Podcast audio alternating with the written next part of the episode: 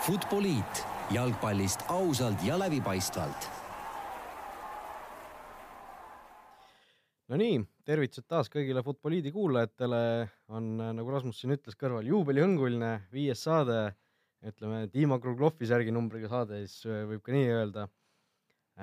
oleme taas eetris, täna siis kahekesi, minu nimi Raul Õesser ja minu kõrval nagu ikka Rasmus Raidla. tervist! ja, ja nagu äh, oleme siin äh, natukene ringiga tagasi jõudnud justkui, et äh, kui alustasime esimeses saates äh, Eesti koondise nii-öelda, Eesti koondise mängude järelkajaga, siis, siis täna oleme taas Eesti koondise juures ja põhjus selleks on loomulikult lihtne. sel reedel ehk siis juba homme ja, ja esmaspäeval Eesti koondis peab järgmised kaks mängu rahvuste liigas Soome ja Ungariga kodus. aga selles saates täna räägime veel teistest teemadest ka natukene teiseks suureks teemaks äh, võtsime siis Manchester Unitedi hetkeseisu, Jose Murillo personaalküsimuse ja kõik muu sellega seonduva. ja, ja loomulikult ei puudu siit meie saatest ka sellised väiksed kiired, kiired teemad, nädala noh, kangelased või, või antikangelased ja, ja muidugi ka OpTibeti panustamissoovitused, nii et äh,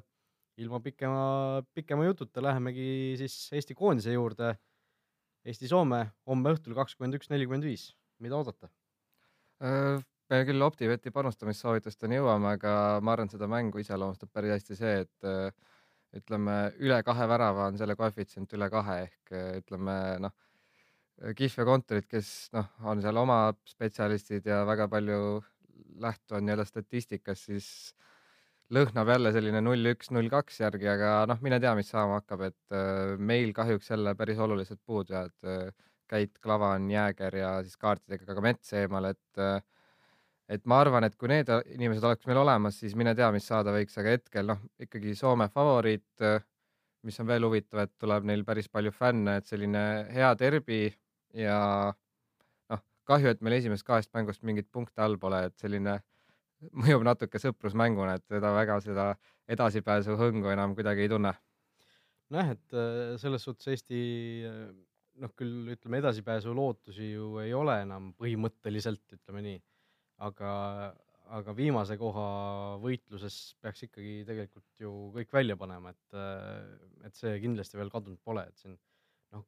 need kaks mängu kindlasti selles plaanis saavadki otsustavaks, kuna nad mõlemad kodus peetakse. Eesti noh,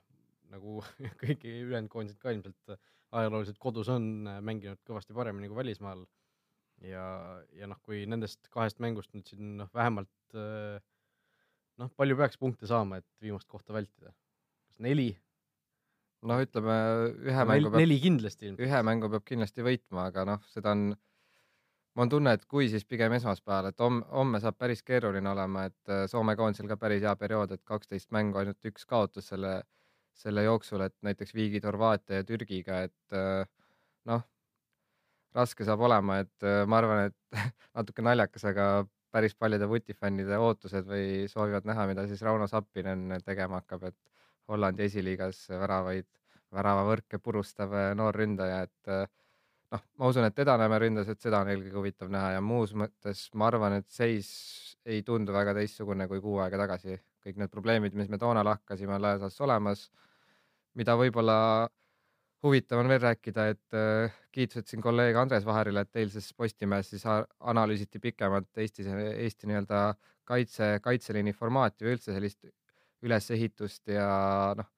tore näha selliseid asju ka Eesti ajakirjanduses, et äh, mis su enda seisukoht selle, sellele on, et äh, ega siin noh, töö on lõppude lõpuks tellija materjalist, aga, aga nõustud sellega, et võib-olla me peaks rohkem sinna keskväljale jõudu tekitama ja nii edasi no keskväljale jõu tekitamise osas äh, kindlasti oleneb ju palju sellest, keda me kasutada saame, et äh, noh, nagu me teame, Mattias Käit endiselt vigastatud äh,, teda ei ole. noh, kui Soome mängule konkreetselt ette vaadata, siis ka Karol Metsa ei ole, et no tegelikult ei ole ju väga kedagi sinna keskväljale panna, et äh, Kostja Vassiljev on, on meil ju endiselt olemas. loodetavasti ta selle vahepealse kuu ajaga nüüd ei ole oma seda äh, sellist mõnusat äh, mõnusat äh, sellist energiat ja tuhhi ära kaotanud, et kindlasti äh, tema on meil endiselt olemas seal, aga tegelikult kaks olulist lüli sealt, kes seal noh, kasvõi selle Andres Vaher artikli põhjal keskväljal võiksid tegusid teha, Karol Mets ja Mattias Käit mõlemad ju jäävad sellest Soome mängust eemale, et et see, selles plaanis on nagu päris raske midagi sinna keskväljale tuua, no okei okay,, Ilja Antonov, Artjom Dmitrijev, noh eriti Anto-, Antonovi puhul ma muidugi tahaks näha, et ta tulevikus seal rohkem, rohkem ka koondisest mängib, aga noh, Artjom Dmitrijev ilmselt kogu austuse juures ei ole päris see, see mees, kellele siin lähitulevikku ehitama peaks Eesti koondise ridades, eks ju. aga noh, sellest artiklist veel rääkides, siis noh, nagu sa ütlesid ka, et selline tänuväärne töö või ütleme, ma arvan, et, et jalgpallihuvilistel oli seda päris põnev lugu, lugeda, aga noh, kuna ta oli ikkagi niivõrd pikk ja niivõrd süvitsi, mis on noh, Eesti jalgpalliajakirjanduses, üldse aeg, spordiajakirjanduses on ikkagi noh, selline päris, päris harv, harv nähtus, siis, siis võib-olla just sellistele pühapäevahuvilistele ta võib-olla jäi natuke võib-olla isegi liiga keeruliseks või selliseks noh, rääkisin eile ka toimetuses paari kolleegiga, kes ütlesid ka, et noh, et ei, ei suutnud nagu orienteeruda enam ühel hetkel, et läks nagu nii, nii põhjalikuks ja nii keeruliseks, aga noh, ega eks iga artikkel on äh, kindlale sihtgrupile toodetud, et see kindlasti oli, oli selline natu-, natukene kitsamale sihtgrupile, aga natukene põhjalikumalt, aga, aga noh, põhipoint ikkagi, mis selle artikli juures ju oli, oli see, et viiemehelise kaitseliini pealt peaksime liikuma ära neljamehelise peale, et et kuidas see, kuidas see tundub? no ma ütlen, et äh, selle plaani või ütleme, ideel on jumet, aga selle väga oluline osa noh, on Karol Mets, kes siis peaks seal nii-öelda kaitseliini ees äh, turvama ja kuna teda meil Soome vastu ei ole, siis äh, noh, ma arvan, et Soome vastu me läheme täpselt samamoodi ja ma arvan, ka Eesti koondis ei ole nagu Inglismaa koondis, kus meedia võib-olla dikteerib, mida teha võiks või keda kasutada ja keda mitte, et et noh, ma arvan, selle põhi sihuke huvi ongi see, et äh, tekitada arutelu, ma eeldan, et äh, ja loodan, et pärast võib-olla ka siis pärast esmaspäeva juba pärast reedet äh, küsitakse ka pea, peatreenerilt selle kohta ja võib-olla siis saab nagu täpsemalt arutada, et noh, praegu see on selline noh, mulle jääb mulje, võib-olla on ka kellegi teise ideid kasutatud või nii-öelda kaasatud, arutatud, mis on ainult tervitatav, et jah, et noh, ütleme ladas, kui sa tahad vutikultuuri arendada, siis sellised analüüsid on abiks, aga noh ma lõppude lõpuks arvan, et äh, me peame ikkagi, millest me oleme korduvalt rääkinud, et äh, kui me vaatame neid klubisid, mis on meie koondise selja taha, selja taga, mis on Soomel või kellelgi teisel, et noh, lihtsalt siin läheb keeruliseks, et noh, ma ei tea, siin ei ole ühest võluvitsa, et ma arvan, meil käibki see asi nii-öelda hooti, et äh, üks aasta on parem, ütleme kaks tuhat üksteist play-off täielik ime on ju ja ongi sellised perioodid, et meil on see valik ikkagi niivõrd ahtak, et kui meil on käit puudu ja klavan puudu, noh, see ikkagi avaldab mõju ja seda me ei lapi nii-öelda taktikaliste otsustega. no Soome mängust meil noh, minu arvamuse järgi on tegelikult äh, kolm kõige paremat jalgpallurit Eestis on puudu, eks ju, et Ragnar Klavar number üks, äh, noh, Karol Mets number kaks ja Matis Käit number kolm, et see, see ikkagi paratamatult, no ükskõik mis koondiselt sa võtad kolm parimat meest ära, see tase ikkagi langeb ja ja ma arvan küll, et Soome vastu äh, meil just selle tõttu on need võimalused ikkagi päris, päris väiksed, et et noh, kui vaadata ka seda, mis, mis hoos siin Soome koondis tegelikult on ju, et et kas viimasest siin ma ei tea, kas kaheteistkümnest mängust oli siin ainult kaks kaotust või midagi sellist või isegi rohkem oli, oli üks neid... kaotust isegi ainult, ainult jah, et et noh, see on noh, Soome on selgelt ju Marko Kanerva käe all nüüd noh, mängima hakanud, et arvestades seda, et Soome ju tegelikult aastaid on äh, alla, alla oma võimete esinenud, et kui Eesti on siin äh, minu meelest ikkagi läbi ajaloo tegelikult äh, või noh, mitte kas päris ütleme läbi ajaloo, aga, aga ütleme sealt, ütleme siis, kui Arno Paipers tuli Teitur, Teituri lõpuaegadest, sealt saati on tegelikult pidevalt esinenud üle oma võimete. kui vaadata just seda, mida sa mainisid, et mis klubides meie mängijad mängivad, mis klubides mängivad need, kes, kes meil vastas on tavaliselt, et et äh, seda arvestades iga mingisugune viigipunkt, äh, ma ei tea, Poola mingisuguste Soomede, Rootside vastu, see on noh, täielik äh, super kordaminek, aga aga, või noh, rääkimata mingisugustest võitudest Sloveenia üle, Serbia üle, noh, need olid niikuinii ju sellised tõesti, nagu sa ütlesid, jalgpalliimed, et, et tegelikult meie koondise tase on kindlasti noh, kui mängijate tasemed kokku panna, on kindlasti päris äh, tükk maad allpool, kui, kui me tegelikult noh, kasvõi FIFA rankingus oleme, et et äh, ma arvan, et äh, selles plaanis äh, oleme me kindlasti Soomest näiteks paremad olnud ajalooliselt.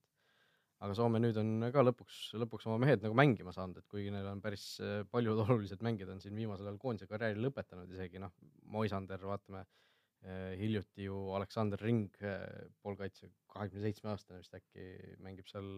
seal, kus ka Joel Lindberg kunagi mängis äh, New York Red Bullsis ja otsustas koondise karjääri lõpetada, et meie nagu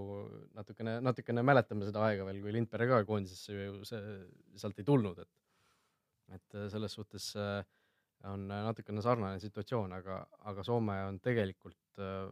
väga korralikult esinenud ja ma arvan, et meil isegi viigipunkt tegelikult reaalselt võttes oleks õnnestumine kodus. Mis jah, Soomest veel lähemalt rääkides, et kiitused neile tõesti, et viimasel ajal on nagu asjad läinud loogiliselt toimima, et vaatasin siin see viimane treener, kes enne Marku Kanervat oli Hans Pakke, see toodi sisuliselt otse vist Viasati stuudiost, oli seal paar aastat kuskil ekspert ja kaks tuhat kuusteist siis sai üksteist mängu pidada, üheksa kaotust ja kaks, kaks viiki. Ja siis toodi Marku Kanerva, vaatan ta nii-öelda CV-d, väga loogiline, et kuus aastat U kakskümmend üks, siis Soome abitreener, selline vahepeal ajutine treener ja noh, siis lõpuks nüüd peatreener, et äh, ma arvan, et see on seesama, mis oli Martin Reimi nii-öelda eelis äh, Pearsoni ees, et äh, noh, et kui välismaa treener tuleb, tal võtab, okei okay,, Hans Bakke oli ka noh, ütleme sealt regioonist, aga ikkagi ka muust äh, muu, muu taustaga, ikkagi Rootsi taustaga, et kui tuleb teise taustaga treener, siis tal võtab noh, see päris pikalt aega, vähemalt pool aastat, ta kindlasti teeb selle palju tööd, aga kõikide mängijate nii-öelda iseloomu ja koondise iseloomu õppima tundma, et äh, Pearson ju ka ei saanud sellest Eesti võib-olla Vene tausta fenomenist väga aru või et mis seal täpselt teha, et see Marku Kanerva tundus sihuke konkreetne Soome mees ja asi, asi toimib, aga mis veel on huvitav, et vaatasin äh, äh siis Soome meediat täna hommikul Ilda Sanomates oli päris huvitav selline kommentaar, et äh, justkui on Soome hästi alustanud, kaks äh,, kaks võitu, ütleme noh, kui meil on Hollandi esiliigas, neil on Inglismaa esiliigas, Teemu Pukki kohe pärast Eesti mängu lõi kolmes jär mängus järjest värava et noh, selline noh, mitte päris sihuke Litmanen või Forsell onju, aga ikkagi hea ründaja. aga Soome kuidagi ei ole osanud seda ära kasutada, et äh, ma nüüd noh, soome keeles ei ole nüüd ülipädev, aga ütleme Google Translate ja oma teadmiste najal mul jäi mulje, et siis äh, kui ma ei eksi, siis ülest on need mängud läinud Viasati, seal ütleme kõik see Rahvustelevisiooniga võrreldes mingit stuudiot väga pole, ütleme vist vaatajanumbrid on alla kuuekohalise, noh, mis Soome rahvaarvus ei ole nüüd on suht kehv näitaja, onju, et seal on vist hokis olnud kohati üle miljoni ja siis äh, noh, mida veel heideti ette, et see neli nädalat, mis nüüd oli kahe koondise tsükli vahel, et äh, siin teised alaliidud, et noh, suruge seda Marku Kanervat igale poole, et noh, tekitage mingi jalgpalli, jalgpallibuum, et äh, noh, tegelikult Soomel on väga hea seis ja nad võivad selle alagrupi võita. Et just selle, seda heideti ette, samal ajal noh, ma näen, et meie öö, koondis ma kiidaks või meie alaliitu, et päris sihuke leidlikud lahendid, ma, mulle on jäänud justkui silma või, ja kõrva veel rohkem reklaame raadios ja tänavatel. siin on Instagrami story des mingid siuksed Kalevipoja motiivid, et eh, leidlik lahendus ja noh, oodata on umbes kümme tuhat fänni, okei okay,, nendest eh, veerand on ilmselt Soome fännid, et see on nagu teine. isegi ilmselt rohkem, et yeah, ma arvan, seal. kaks tuhat nelisada vist ametlikult, no ilmselt tuleb siin kohalikke ja kõike veel, et ma arvan, see võib kolm tuhat olla ja sisuliselt Soome kodumäng no ilmselt jah, kui neid nii palju juba kohale tuleb, siis ega nad üle meid laulavad, et äh, jalgpallihaigla seis ka ei ole ju viimasel ajal väga kiita olnud, et neid äh, noh, kasvõi eelmisel koondise mängul siin vaatasin äh, see nii-öelda see lõunatribüün oli ikkagi suhteliselt selline noh, kokku surutud ja, ja ega seal väga-väga palju neid nii-öelda tulihingelisi fänne ei olnud, mis on, mis on muidugi kurb. aga noh, kui tulla selle jalgpalliliidu reklaami juurde, siis äh, minu arust kas tänavatel ei reklaami neid äh, eesolevaid koondise mänge Karol Mets ja Mattias Käit või? kaks meest, kes siis mõlemad Soome mängust eemale jäävad, et et äh, selles suhtes väike, väike võib-olla noh, see oli ilmselt kuskile pikemalt ette mhm. planeeritud, eks ju, et väike, väike selline möödalask, aga noh, see, see selleks, et et äh, ei, ei tasu Karol Metsa ja Mattias Käiti Soome mängus just vaatama tulla, et Metsa mm -hmm. küll Ungari vastu kõigi eelduste kohaselt näha saab, aga aga see selleks mida veel äh, rääkida, no kakskümmend üks, nelikümmend viis, need mõlemad mängud algavad, äh, sellest on ka siin suhteliselt palju juttu olnud, et, äh, et miks nii hilja? seda ka see Soome meedia ütles, et noh, see ei ole telele ülihea aeg, okei okay,, reede õhtu veel, aga nüüd meil on esmaspäeval Ungari täpselt samal ajal mäng, et noh, ütleme, see mingil määral välistab inimeste tulemise Tallinnast väljast, noh, ütleme mäng lõpeb siis, mis ta lõpeb umbes äh, pool kaksteist, ütleme Tartust tagasi minnes, noh, järgmine päev on tööpäev. ööl sõ- sõitma hakata. jah, ja sa jõuad umbes kaks öösel, noh, see välistab, ütleme see, et üldsegi keegi võib-olla sealt, ütleme Lõuna-Eestist tuleks veel vähem, ta tuleb, ütleme lapse või ütleme kogu perega onju. aga mul jäi ka mulje, et seda arutati siin Sokkerneti foorumis näiteks ja seal vist Mihkel Uiboleht nii-öelda oma kasutajalt ütles, et seda on arutatud UEFA-ga, aga seal on noh, seal on mingid vist piirangud, mis a la umbes nagu meistrite liigaga, et võib-olla üks-kaks mängu saavad varem alata ja eh, noh, eks siin oleneb natuke nii-öelda ütleme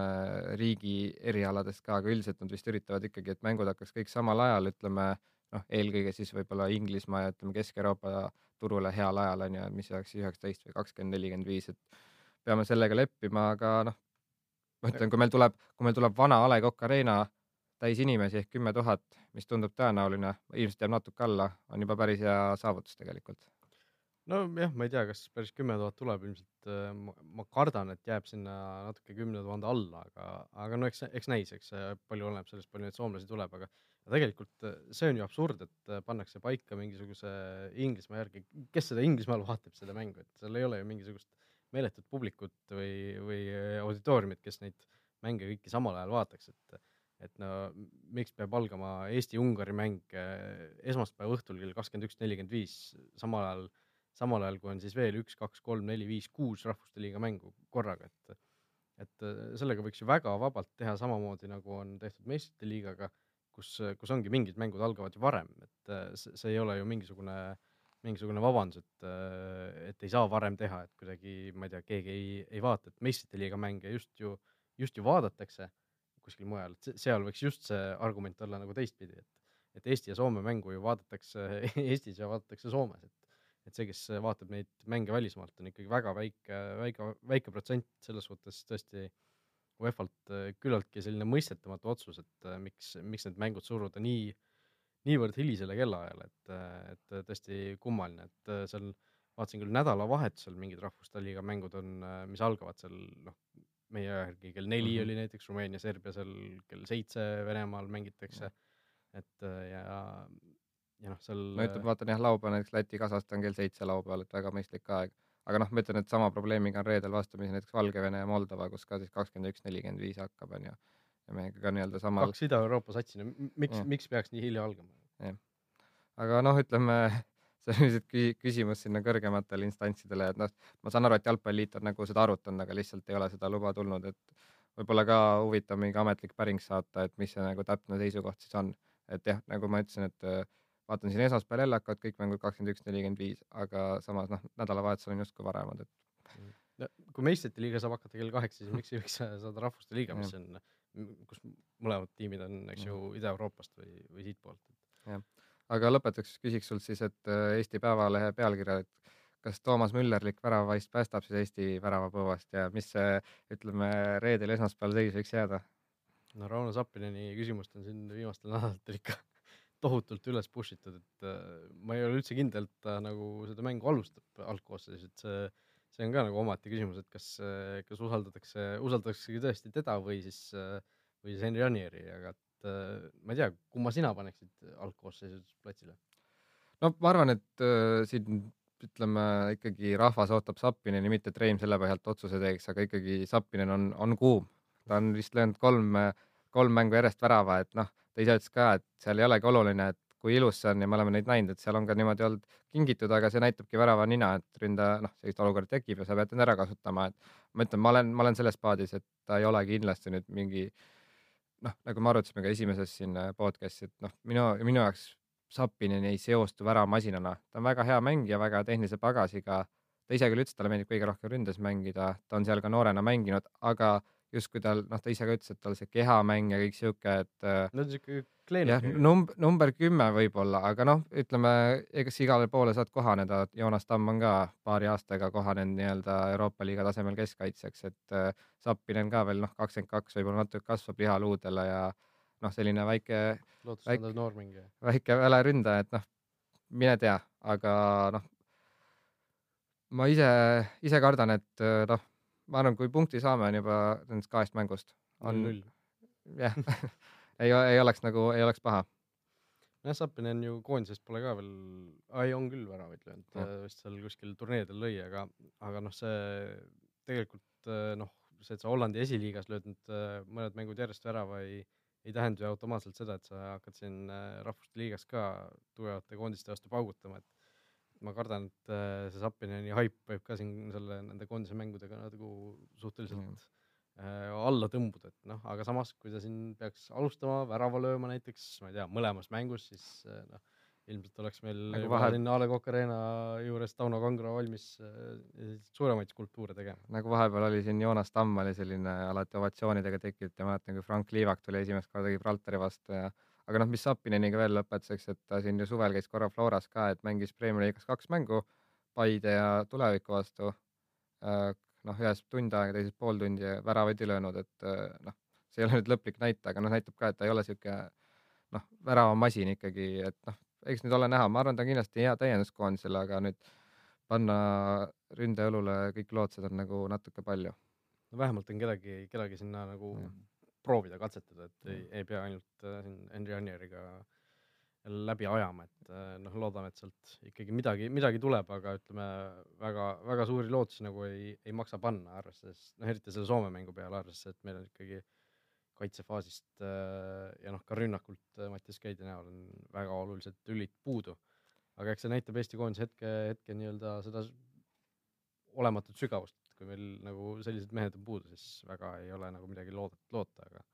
aga võib-olla järgmine neljapäev räägime, kuidas, kuidas ikkagi seda sügavust on nii palju, et me suutsime Soomet kaks-null võita. huvitav jah, veel lõpetuseks ütelda, et huvitav, et Eesti minu arust äh, ajakirjandus jalgpalliajakirjandus ei tundu üldiselt selline väga provokatiivne, aga justkui kuidagi märkamatult on ikkagi see Sapineni mull nii suureks puhutud, et noh, eks nüüd näha ole, mis sellest saab. aga ma arvan, et läheme vaikselt äh, kiirete vaheteemade juurde, esimene siis äh, nädala idee, Keskerakond soovib tuua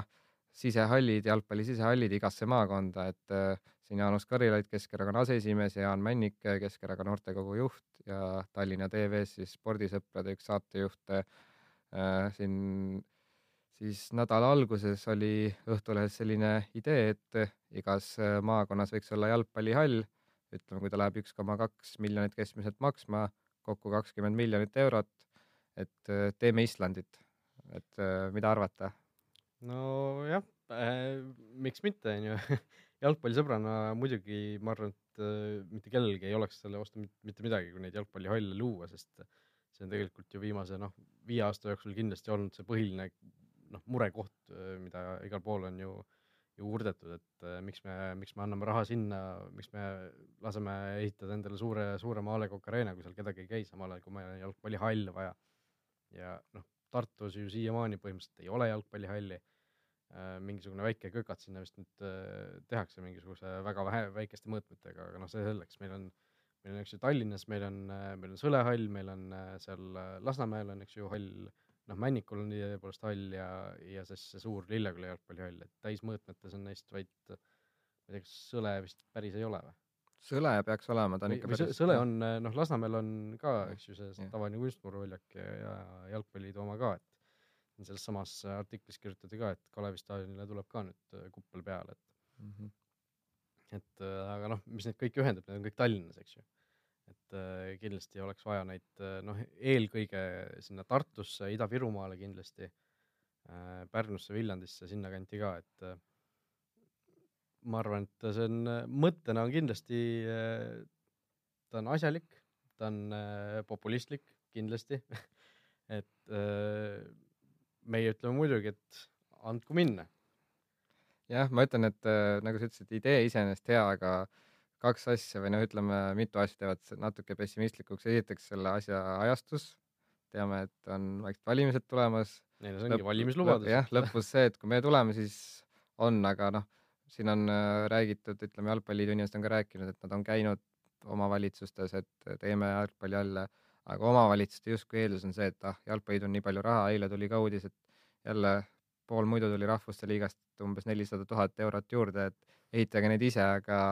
noh, selgelt Jalgpalliliit võib neid toetada ja nagu siin nad panid tegelikult ka A Le Coq Arena ehitusele raha juurde ja nii edasi, aga no ma saan Jalgpalliliidust ka aru, et esiteks noh, see ongi päris suur summa, kakskümmend miljonit on isegi nende jaoks väga suur summa, neil ei ole seda kohe võtta, aga teisest küljest ka see, et noh, ütleme, nad tahavad, et omavalitsused oleks sellest huvitatud, klubid oleks huvitatud, noh, üks on siis ehitada, et siinsamal, samamoodi see Keskerakonna artikkel, et et idee on siis see, et omavalitsused jääks neid jooksvaid kulusid katma, mida võiks siis katta oma kohalikud klubid, aga jällegi noh, see on väga ilus lause, aga ma arvan jälle mitmes maakonnas võib olla see, et nagu klubi noh, et seal omavalitsustel ei pruugi väga palju seda huvi olla, nii edasi, et ja ma sain ka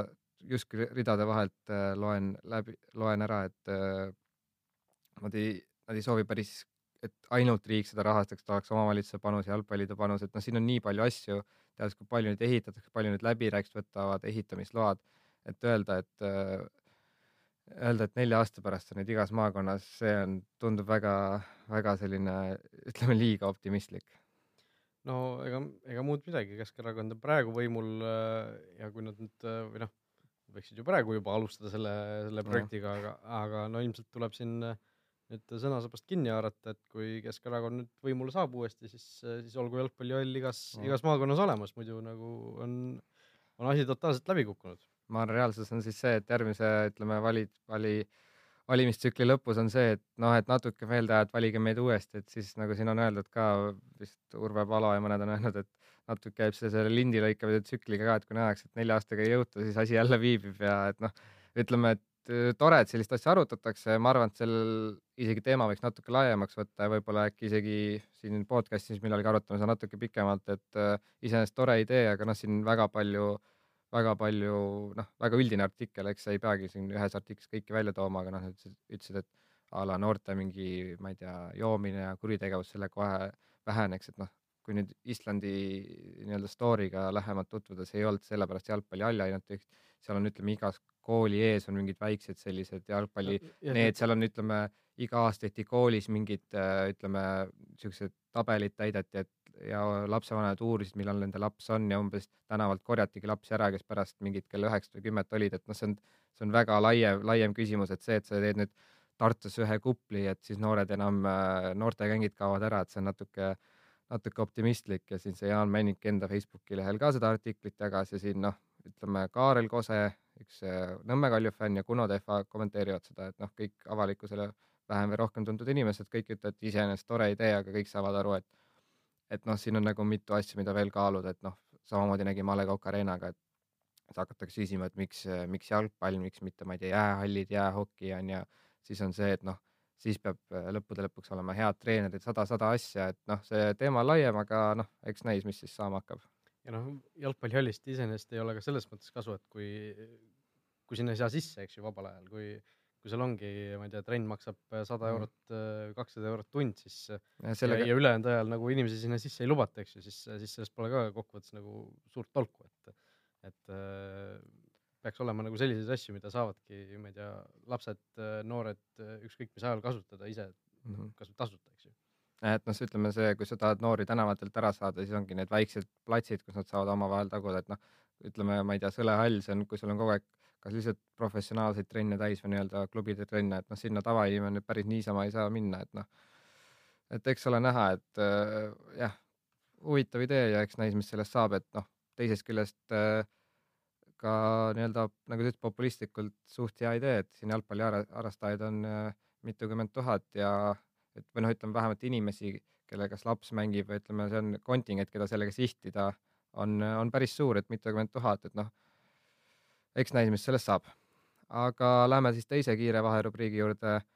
ütleme siis nädalanumber või nädala kaotus, et eh, Eesti U üheksateist tüdrukud eh, kaotsid EM-valikturniiri Saksamaale koguni null kakskümmend üks, et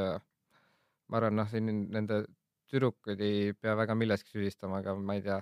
kas ja mida siit üldse järeldada saab? no see on äh, jah, ikka päris, päris kurb äh, tõsiasi, kui kui niimoodi üldse vaadata, aga eks see, eks see näitab ka seda tegelikult, et et äh, mida siin räägiti ju Mehed ei nuta saates siin paar päeva tagasi, et et see naiste, ütleme, pallimäng Eestis üldiselt ei väärtustata. no nimeta üks naistekoondis, kes meil on kuskile, kuskile kunagi jõudnud. See võrkpallinaiskond vist oli no,, nüüd, nüüd, nüüd pandi umbes kokku seal, et, et see nagu näitab ka, et et meil ju tegelikult see naiste, naiste jalgpall, naiste korvpall, naiste võrkpall, noh, mingitest käsipallidest, niisugustest asjadest rääkimata ei ole ju tegelikult noh, neid koondisi peaaegu tegelikult äh, ei olegi mingil arvestataval tasemel, et meil aastaid ei olnud siin ju naiste jäähokikoondist isegi ja, ja see ei olnud ju otseselt sellega seotud, et meil nüüd ükski naine ei mängiks jäähokit, seal mängiti küll, mängiti, mängiti seal koos meestega ja nii edasi, aga aga, aga lihtsalt ei olnud sellist äh, piisavat initsiatiivi ja piisavat äh, sellist tahtmist äh, on ju alaliidu poolt ka. Jah, mis ma veel ütleks, et see vist mõte käis ka mehed ja nutast läbi, et ma ütlen, et noh, ma arvan, neid tüdrukuid pole vaja otseselt millegi eest kritiseerida, et see on pigem nagu üldine süsteemne viga ja ma arvan, et kui sealt sellest, ma ei tea, seal üksteist, kaksteist, kolmteist, neliteist mängijat, kes sel mängul platsil käisid või üldse seal valikturniiril käisid, et kui juba, ma ei tea, ühele-kahele see on nagu tuleviku mõistes hea, on ju, et nad näevad väga palju vaja tööd teha, neil on seda ambitsiooni, siis see on juba noh, selles mõttes kordaminek, aga noh, nüüd teine asi on jah see, et justkui siin on mingid tüdrukute treeninglaagrid, asjad, et noh, see on küll viimaste aastate töö ja selge, et see nüüd kohe seda U üheksateist koondist ei mõjuta. mul on jäänud mulje, et vähemalt jalgpalliliit proovib nagu seda suunda rohkem jah, arendada. tüdrukud on mängus ja kõik need äh, aga noh, jah, selge, et see ei, nagu ei muuda seda U üheksateist praegu tulemust, see on täiesti veel noh, ütleme võib-olla siis ma ei tea, viie aasta pärast või kümne aasta pärast U üheksateist, siis me võime näha mingit selle, seda, seda tulemust, mis siin praegu tehakse, et äh, jah, kurb tulemus ja võib-olla mõned kivid said said parastada, aga paraku hetkel nii on ja noh, Saksamaa lõppude lõpuks ikkagi täielik oma ala tipp. noh, see samas selles U üheksateist koondises oli ka mõned mängijad, kes tegelikult on ju, on ju E- Eesti mõistes nagu päris head, päris head äh, heal tasemel, et siin vaatan vahetuses tuli sisse näiteks Mari-Liis Lillemäe, kes on siin A-koondises kuus mängu mänginud, kes on Flora üks äh, noh, Flora rü- rünnakul üks liidritest näiteks, et äh, et ega siin noh, ega, ega tema muidugi üksi ei suuda seal midagi ära teha, aga. Aga eks siin, noh, siin päris, päris nii-öelda selliseid äh, noh, suvalisi mängijaid äh, see sats ka täis ei olnud. jah, võib-olla seda kurvem on, et Eesti mõistes hea mängija justkui ja siis äh, selline skoor. aga lähme siis äh, viimase kiire vaherubriigi juurde, ütleme siis nädala viigistaja Nõmme Kalju, et äh, tiitel justkui kindel, Kihlveo kontorid siin vaatasin üks koma null viis, et võidavad tiitli, mis on noh, ikka päris, päris kindel, et äh, muidugi siin on libastumiskohti, aga noh, see kõik eeldab, et siin Flora võidab Levadiat ja nii edasi, et tiitel tundub olevat äh, Levadia mängust juba rääkisime, kus siis äh, eksiti penaltil ja kõike muud seal juhtus, nüüd oli jälle A Le Coqil mäng, Flora läks kaks korda juhtima ja kaks korda lasi viigistada ja omakorda Flora oli kolm korda latti, et äh, nagu öeldakse, vist Liivak ütles, et on Nõmme Kaljul päris palju õnne olnud, me oleme ise seda korduvalt öelnud, et justkui on õnne, aga samas õnn soosib tugevamaid ja ja noh, ütleme, kes keelas, ütleme pärast kaks-üks väravat, noh, suhteliselt lihtne sihuke väga abc värav, et pikk pall Rimo Hundil ja pall väravasse, noh. ma arvan, et ainus, kellel seal peeglis tuleb vaadata, on võib-olla üld, üldisem see, ma ei tea, kes siis täpsemalt, et, et Mait Toom oleks ilmselt ära võtnud, et see, see jah, kuidagi äh, pressitribüünil äh, käisin ise seda mängu vaatamas, siis seal, seal oli ka e- esimesed sõnad, mis nagu paljude huulilt tulid, et kuhu nurka Magnus et, et äh, selle, noh, see tõesti, Jürgen Henn rääkis küll pärast, et seal oli ilmselt mingisugused kommunikatsiooniprobleemid rohkem, et need mehed ei olnud seal võib-olla kokku mänginud, et et ilmselt seda oli ka seal, aga, aga no Karofeldi tegutsemine jättis kindlasti selles olukorras soovid, seda ei tasu, ei tasu nagu äh, maha salata, et et äh, tõesti, Kaljul oli õnne, oli tõsiselt õnne, ütlen kolm latti ja seesama värav, eks ju, aga, aga eks nende, nende eest tuleb nagu müts maha võtta kokkuvõttes, et äh, et kui sul on terve, terve hooaeg läbi, on igas mängus, noh, saab öelda, et oi, oli õnne, oli õnne, siis noh, kokkuvõttes sul tegelikult äh, ongi see, et õnn soosib ainult tugevamaid ja, ja kui sul nagu nii palju järjest veab, siis see ei saa enam juhus olla. ma arvan ka see on oluline, et noh, mõlemas ju mängus Kalju teadis, et noh, okei okay,, Terahov võis öelda poole stuudios ja pärast mängu, et Viikiga nad ei ole lõpuni rahul, aga noh, tegelikult nad kindlasti olid sellega, nad teadsid, sellest piisab ja me näeme kasvõi siin meistrite liigas, et ma ei tea, kaks väga kõva tiimi, aga kui ühel on näiteks e- esimesest mängust üks-null edu ees ja teisele piisab viigist, noh, ongi mängupildid teine tiim parem, üks tiim nagu mängibki teadlikult äh, noh, viigi peal nad ei püüa nii väga seda, et noh, ma arvan, nendest mängupiltidest nüüd üleliia ei peaks järeldama, et äh, Kalju tegigi täpselt seda, mida neilt oodati, samamoodi oleks, ma ei tea, poole ajal mindud äh, kaks-üks Flora eduseisul oleks kindlasti teine poolek, noh, nüüd ma arvan, võtmed latid oleks olemata olnud ja oleks Kalju hoopis turmtuld andnud, onju, et noh, see mängu iseloom lihtsalt oli selline, et Kalju oligi, seisis rahulikult ja noh, oli natuke õnne, aga lõppude lõpuks äh, latilöök on möödalöök ja kes keelab sul penaltit sisse lüüa, onju, et see ei ole, ei saa nüüd öelda, et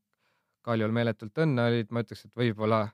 mis on nii-öelda kõige suurem õnnefaktor oligi neile see, et Flora suutis oma ämbreid kolistada ja noh, see Rimahundi värav jällegi, et telekordusest ka seal noh, okei okay,, pealöögid on natuke väravale keerulisemad, aga noh, Karafeld, mul on tunne, et positsioneerimine oli väga halb, talle jäi mulje, et see läheb mööda ja ta ja siis nagu lõpus üldse ei arvestanud, et Jah. Hunt nagu seda palli nagu sinnapoole võiks lüüa või et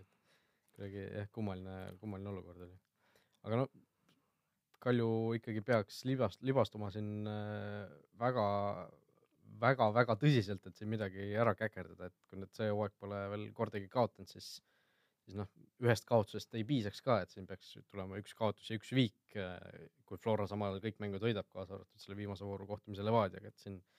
mingisugust, mingisugust äh, muudatust äh, tulla üldse saaks, et äh, isegi kahest viigist äh, Flora jaoks ei piisaks, kui Kalju teeb kaks viiki ja Flora kõik võidab, et äh, siis oleks ka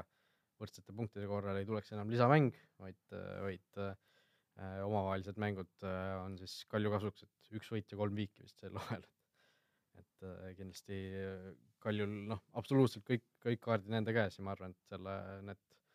selle karika peale võib selle nime juba vaikselt ära graveerida, et äh, ei ole enam midagi, ei ole enam midagi teistel teha, et Kalju ikkagi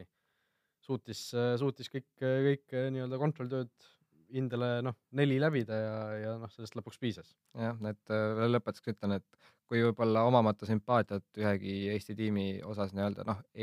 nii-öelda fännamata kedagi, siis nii-öelda sportlikust huvist võib-olla oleks soovinud, et Kalju oleks punkte kaotanud, oleks hooaja lõpp veel põnevam, aga nüüd ma juba loodaks tõesti, et Kalju võiks siis kaotuseta lõpuni minna, et see oleks omamoodi ajalugu ja mida võib-olla siis viie aasta pärast küsitakse kuskil mälumängudel ka, et noh, see on, see oleks tegelikult lahe, et sa suudad kolmkümmend kuus mängu mängida nii, et sa ei noh, ei kaota mitte ühtegi, et see on päris kõva saavutus.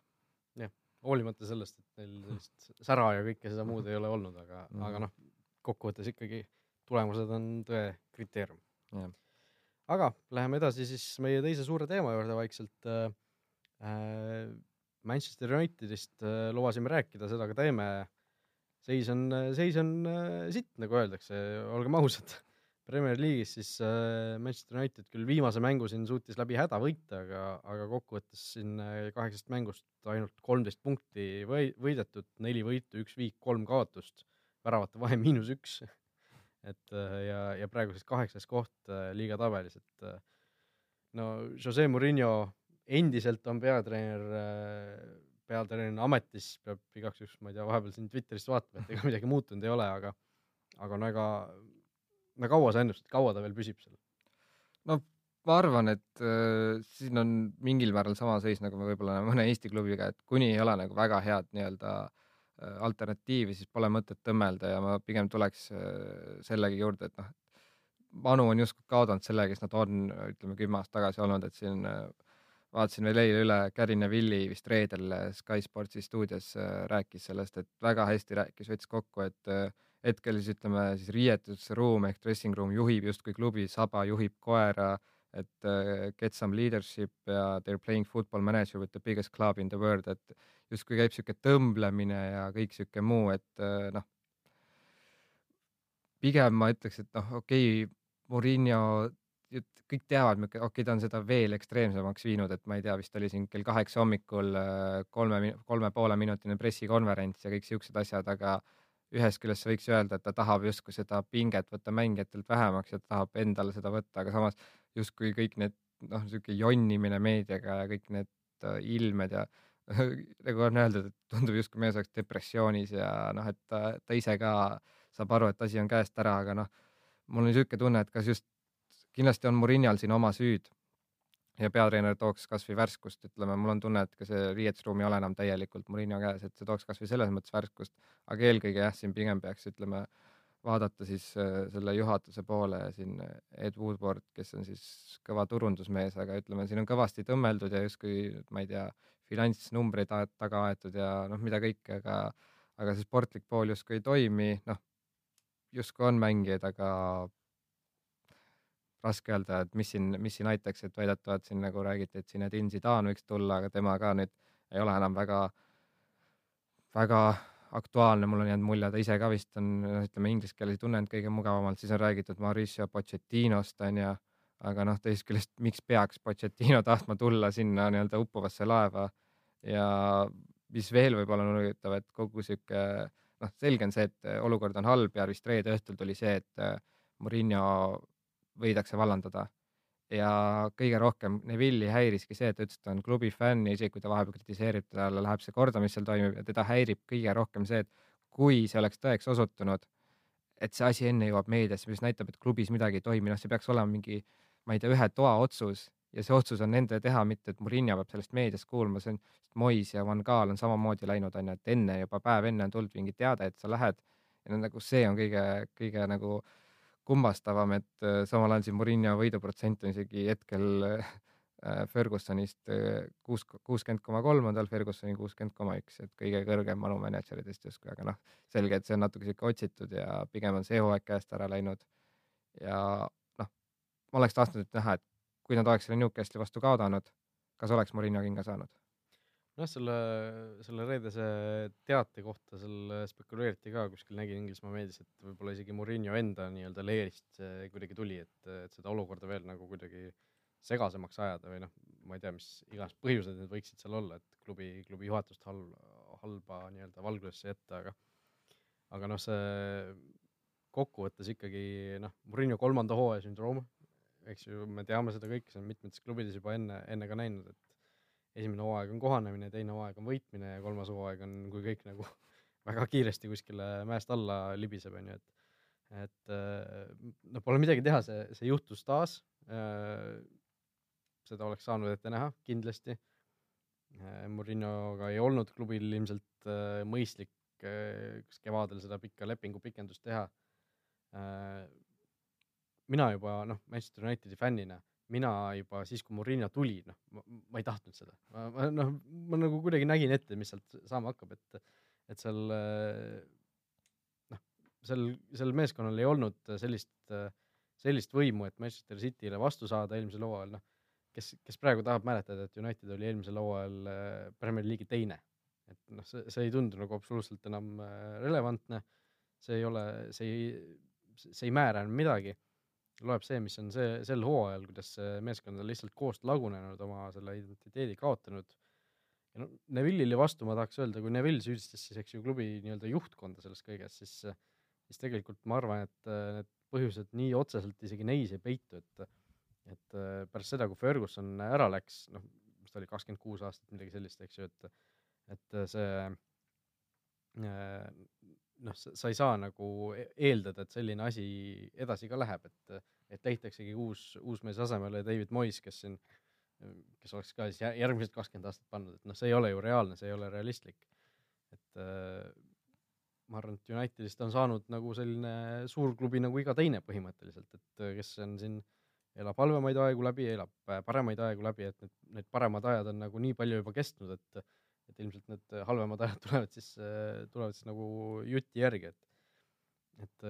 mulle küll ei tundu, et siin oleks nüüd äh, hirmsasti see, see klubi juhtkond kõiges, kõiges nii, nii teravalt süüdi, nagu, nagu Neville väidab, aga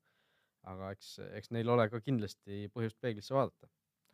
sina, nagu sa ütlesid, oled United fänn, mis sa näed, mis selles olukorras nagu päästaks, et noh, ma arvan, et antud hooaega on juba raske päästa, aga lihtsalt ka laiemas mõttes on ju, et et et äh, on see siis mingi ülinimekas treener, et Zidane rahapaki koimetuks lüüa ja ikkagi ta kuidagi siia tuua ja talle kõik muud tingimused luua, onju, et ta ikkagi tahaks tulla või on see, ma ei tea, selline Ryan Giggs või Gary Neville, kuigi ta vist on öelnud, et ta ei taha enam peatreener olla. et sihuke, ütleme, ütleme, et klubi, klubi, noh, lihtsalt tuleks mingi klubi legend onju, siin nüüd räägiti Gigsist vist pärast Moisi vallandamist, et natukene flirditi onju, et tuleks sihuke klubi legend, kes võtab selle riietusruumi endale onju, on justkui niuke sihuke no nagu Zidane oli Realis. jah, et, et kas, kas midagi sellist võiks päästa või et kes üldse on siis, kas on see siis, ma ei tea, Kiks või ma ei tea,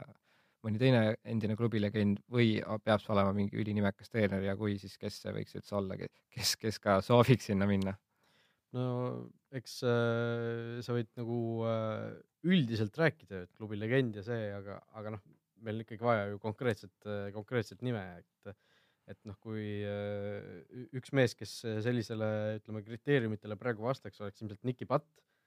kiilakas, äh, klubi nii-öelda äh, akadeemia juht praegu, aga, aga noh, ta ei, ta ei ole ka ju tegelikult peatreeneri materjal ilmselt, et kui oleks, siis temast oleks nagu rohkem räägitud, et et äh, noh, kui tuua nagu neid paralleele sellega, et kuidas Zidane Reali, Reali nagu väga tippu viis, et või, või tipus hoidis, et äh, et selles suhtes oleks nagu äh, natukene raske näha, et keegi sealt klubi seest praegu tuleks. aga, aga no väljast oleks, oleks tõesti, no Zidane oleks nagu super valik, ma arvan, et kõik United fännid võt- võtaks ta praegu kahe käega vastu, aga aga jällegi, eks sellist edu garantiid ju ei ole. et äh, Zidane'il Realis läks väga hästi, Inglismaal ma olen lugenud ka seda, et tema üks nagu suur tingimus on see, et ta saaks täieliku kontrolli, eks ju, üleminekute üle mis, mis praegu on siis Unitedis sellesama Ed Woodwardi käes, keda siin tribüünil aeg-ajalt telekas näidatakse, et et äh, kui Woodward on nüüd nõu- nõus käest andma oma sellised õigused, mida ta vaevalt on, siis, siis oleks muidugi äh, Zidane hea valik, aga, aga noh, Zidane jällegi, ma arvan, et äh, Unitedi mõttes äh, tema selline tüüp oleks päris hea, sest äh, Realis ka ju tal oli tegelikult see võistkond oli olemas äh, need, see materjal oli olemas, ta ei pidanud kedagi sinna eriti juurde tooma või kuidagi seda meeskonda nagu ise, ise koostama, et tal olid tegelikult need kõik äh, tipud olid olemas, tal oli vaja need lihtsalt nagu motiveerida ja mängima panna, et seda ta suutis nagu väga hästi, et Unitedis selles suhtes on ka ju äh, suuresti need mängijad on olemas, okei okay. keskkaitsest on siin palju räägitud, et äh, kas sinna oleks vaja kedagi juurde, kas keegi üldse kannab seal kaela nagu praegustest meestest, aga aga, aga tegelikult äh, ju meeskond ju ülejäänud meeskond on staare täis, et, et ole lihtsalt äh, meheks ja pane nad mängima, et et Murillo puhul ka muidugi see keskkaitsjate ümber käiv trall on päris äh, selline noh, piinlik juba, et äh, kuidas ta siin mängitab seda poolkaitset äh, Scott McTominay'd seal keskkaitses äh, ja siis äh, noh, eks ju üritab sellega sellist vihjet saata, et äh, Murillo noh, suve lõpus ta ju tahtis äh, Toby Alderweireldit äh, Tottenhamist Unitedisse tuua, mängija ise oli vist ka suhteliselt nagu päri sellega, aga aga Unitedi juhtkond ei, ei andnud selleks äh, nõusolekut. üks põhjus oli vist, et Alderweireld on juba päris vana, et ei oleks enam päris äh, selline investeering tulevikku ja, ja, ja see hinna, hinnalipik oli nagu liiga suur, et et äh, ja ju Murillo üritabki nüüd näidata juhtkonnale, et oi, et mul ükski keskkaitses ei oska mängida, et pean siin McDominay'd proovima ja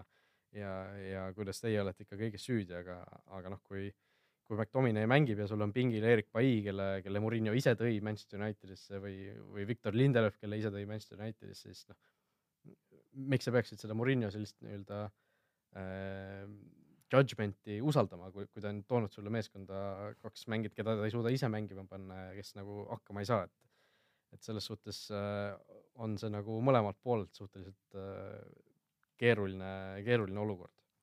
mida veel Vill just nende keskkaitsjatega heitis ette, et justkui käib sihuke tõmblemine, kes selle otsuse teeb ja mille põhjal, et ta, ta teadis öelda, et ütleme, Sir Alex Fergusoni või Sir Bobby Charltoniga ei ole nagu aru peetud, kes võiks nagu olla sellised autoriteedid ja kõik muu, et jah, tundub, et seal nagu ütleme noh, ma arvan, see, et saba juhib koera või ütleme noh, see um, suht hästi võtab selle olukorra kokku, et et noh, loodad sa veel või usud sa veel, et Murillo suudab seda nagu päästa, et mida kõik sellest arvate, kõik need meediaasjad ja see, et ta siin on, ma ei tea, Pogbaga vist nii Pai kui Marshalliga ja mõndadega veel seal nii-öelda noh, tülis võib öelda, et on siin nagu midagi veel päästa? Ei ole noh, tegelikult tegelikult ka ei ole, noh, see selles suhtes on nendest kõikidest meedia, meedia ülesastumistest ja, ja väljaütlemistest on ju näha, et Murillo on täiesti sügavalt pohhu juba, ta on juba arvestanud sellega, et noh, püsib ta seal, kaua püsib ta, mingisuguse enda kompensatsiooni saab lõpuks. võib-olla isegi mida kiiremini ta ametist lahti saab, seda parem on ju. seal noh, tal, ta teab, et seal ei ole enam midagi päästa, tal ei ole enam võimalik seda riietusruumi nagu enda, enda kasuks pöörata, enda taha uuesti saada, et et tema aeg on seal läbi saanud ja nüüd on lihtsalt aja, aja küsimus, millal ta seal nagu ka formaalselt eemaldatakse, et et Unitedi puhul kindlasti mida kiiremini, seda parem, aga, aga ilmselt praegu venibki see asi seetõttu, et, et noh, kelle sa asemele tood. kas sa Unitedi fännina sisuliselt natuke nagu Arsenal Fan TV kuulsad figuurid mingil määral loodad, et võikski nüüd ütleme, kasvõi Newcastle olekski võitki kaotada ja võikski nüüd halvasti minna, et noh, oleks see nagu konkreetne põhjus, et noh, ma ei tea, viis mängu järjest võiduta ja siis peaks nagu noh, lihtsalt antakse hundipass no see on minu arust alati nagu natukene veider asi olnud, et, et sa pead nagu vallandama pärast kaotust tingimata, et okei okay,, et no see oli nüüd viimane viis karikasse ja nii edasi, et et kui sa näed, et asjad ei toimi, no mida sa loodad, et et see, et nüüd Newcastle'i vastu kodus suudeti null kaks kaotusseisust mingisugune hädine võit võtta, et see, see nüüd peaks Murillo, Murillot kuidagi rehabiliteerima, et noh, see on jama ju tegelikult, et see Murillol tuleks anda kinga võimalikult ruttu, kui on asendaja valmis, noh, valmis leitud äh,. isegi sellises olukorras, kus praegu midagi kaotada pole tegelikult, et okei okay,, meistrite liigas võiks ju edasipääsule mõelda, on ju, et et äh, see selleks, aga liigas sul ei ole enam ju tiitli peale, sa ei võitle enam, esinelik on, on ka juba natukene keeruline võib-olla isegi, et et seal noh, vaatame, palju see, palju see vahe praegu on, et äh, United kolmteist, Arsenal kaheksateist, Arsenal ka vist üheksa mängu järjest võitnud seal kõikides sarjades kokku, et okei okay,, vahe ei ole suur, aga, aga noh, praeguse seisuga see vahe ainult suureneb. et ma ei, ma ei leia nüüd küll, et see midagi päästaks, et siin Murinot äh, kuidagi kunstlikult äh, veel nii-öelda vee peal hoida või vaadata, et oi, et sa võitsid Newcastle'ilt kodus napilt, et äh, nüüd saad küll veel kaks nädalat juurde, et see on, see on jama. ja lõpetuseks võib-olla uuriks sa mõtteid, et näed sa veel, et Murinal on üldse tippjalgpallis kuhugi asja, noh, et üks asi on need kaotused ja kehvad tulemused ja teine asi on kõik see, noh, kogu see iseloom ja lahmimine ja meediaga suhtlemine ja mängijatega tülli minema, et ma ei, ma ise küll nüüd kiiresti peast ei oskaks öelda mingit klubi, kes võiks olla, et oh, võtame nüüd Murinho.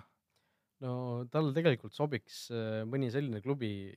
mis ei ole nagu päris selline noh, Real või United. tagasi Portugali. no mitte Portugal, aga no ütleme selline noh, suvaline näide, noh Everton näiteks, kus, äh, kus sinult ei oodata igal aastal, ma ei tea, kõiki karikaid. et sa saadki, noh, Murinho ju töötab selle pealt, et ta, ta pöörab äh, riietusruumi nii-öelda maailmale vastu, et, et noh, oleme meie versus maailm, kõik on meie vastu, kõik on noh, kõik arvavad, et me kaotame ja siis me, me alles näitame neile, et, et suurtes klubides sa ei saa niimoodi teha, sest, sest noh, need mängijad ei ole ju rumalad, nad saavad ise ka aru, et kõik ootavad neilt võitu tegelikult. et noh, kuidas Milano Interis, kuidas Portos see asi toimis, oligi ju see, et noh, mõtle praegu, ta võitis Portoga meistrite liiga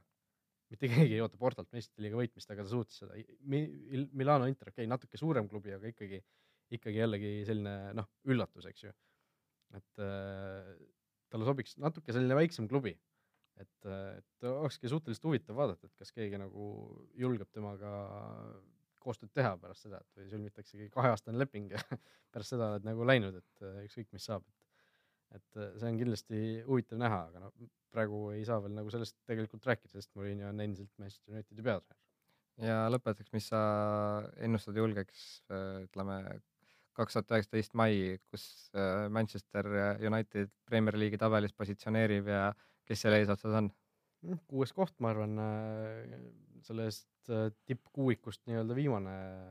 kui praegu, praegu selline asi nagu edasi läheb ja Murillo nagu seal ametis püsib, aga, aga no eks see oleneb kõik see sellest, kes sinna asemele tuuakse ja millal, millal, eks ju, et et ma arvan, et äh, City ja Liverpool on kaks esimest, äh, Chelsea, Arsenal jagavad kolmanda ja neljanda koha ära ja, ja Tottenham ilmselt äh, lõpetab ka eespool Unitedist, ma arvan, et niimoodi umbes läheb. jah, aga ma arvan, et tõmbame sellele Manu probleemidele vaikselt joone alla ja võib-olla kui siin noh, ei saa välistada, et veel aasta, aasta lõpupoole Murillo äkki kinga saab ja võib-olla siis tuleme selle teema juurde natuke veel tagasi. aga vaikselt siis OpTibeti panustamissoovituste juurde, et Eesti-Soome mängust juba saate alguses rääkisime, mainisin ka, et äh, Soome võit äh, kaks koma kaks, kodumängus oli Soome võit üks koma kuus, et äh, mulle tundub, et see on päris hea koht, kuhu proovida, et Eesti, Eesti koondise vastu panustada on muidugi alati selline äh, võib-olla mitte patriotistlik, aga. ei no samas see on, äh, ütleme, ratsionaalne. Win-win või? Äh, ükskõik, mis juhtub, nagu see, sinul on hea. et noh, ma ütleks jah, et kui see kodumängus oli üks koma kuus, et ma ütleks, et see nüüd Eesti koduväljak nüüd nii palju juurde ei anna. okei okay,, see Soomes peetud mäng ka äh,. Soome ei olnud nii palju üle, aga mul jäi ka mulje, et kui Eesti oleks löönud, siis oleks Soome jälle käigu juurde pannud, et Soome tegi miinimumi ära ja see võib täpselt samamoodi jälle juhtuda. ma oleks optimistlikum, kui meil oleks äh, Klavan, Käit, Mets, kasvõi üks neist. aga meil on kõik kolm puudu, nagu sa ütlesid, ma ütleks ka, et äh, noh, top viis või top kolm mängijat kindlasti Eestis hetkel, et kui need kõik on puudu, siis, äh, samal ajal kui Teemo Pukki on löönud äh, Championshipis juba viis väravat äh, pärast koondise pausi, kolm tükki järjest isegi, nüüd küll viimased mängud on natuke kuival olnud, siis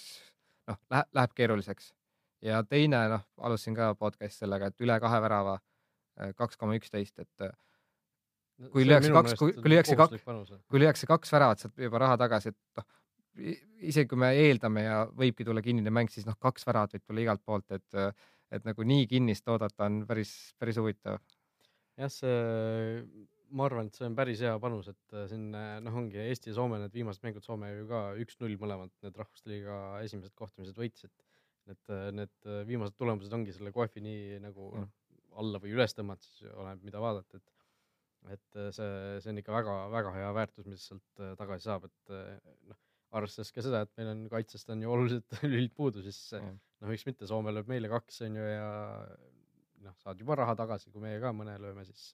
siis on veel panus täiesti võidetud, et ma arvan, et see on kindlasti noh, kohustuslik panus selle mängu ajal. mulle endale meeldib ka see üle kahe värava, see ka välistab selle, et saad rahulikult kas telekast tribüünilt mängu vaadata ja saad ka Eestile kaasa elada, et sa ei rõõmusta Soome värava üle, sa rõõmustad lihtsalt väravat üle, et uh, siin sobib ka vabalt kaks-üks Eesti võit või midagi sellist ja noh, ma ütlen kaks väravat, see võib iga hetk tulla, et uh, et eelkõige ma isegi soovitaks seda üle kahe värava, kaks koma üksteist. just, äh, minu esimene panustamissoovitus äh, tuleb siis juba tänaõhtusest mängust tegelikult. Äh, Poola ja Portugal, A-liiga kohtumine Poolasse toimub. Portugal oma esimeses mängus suutis, suutis Itaaliat võita või oli see viik äh,? minu arust seis üks-üks viik jah ja,. Nad läksid juhtima, aga siis penaltist Itaalia viigistas. ja, ja Poola tegelikult äh, viigistas ka Itaaliaga esimeses mängus, see oli võõrsil siis äh, Itaalias toimunud kohtumises, et. ja Portugal võitis Itaaliat üks-null ja Poola viigistas üks-üks Itaaliaga. et, äh, et seda kõike arvestades on, on suhteliselt kummaline, et Portugal selles kohtumises võõrsil on isegi väikeseks favoriidiks, et siin Optibeti koefe vaadates Portugal kaks koma kuuskümmend üks, Viik kolm koma kümme ja Poola kodus siis kaks koma üheksakümmend, et et äh, valikmänge, ametlikke mänge Poola tegelikult pole aastaid juba kodus kaotanud.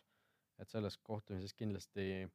tasuks nagu selle peale vaadata, et äh, Poola võit või viik, et äh, kui panus ilma viigita panna, ehk siis viigi korral saad raha tagasi, siis Poola KF on üks koma üheksakümmend seitse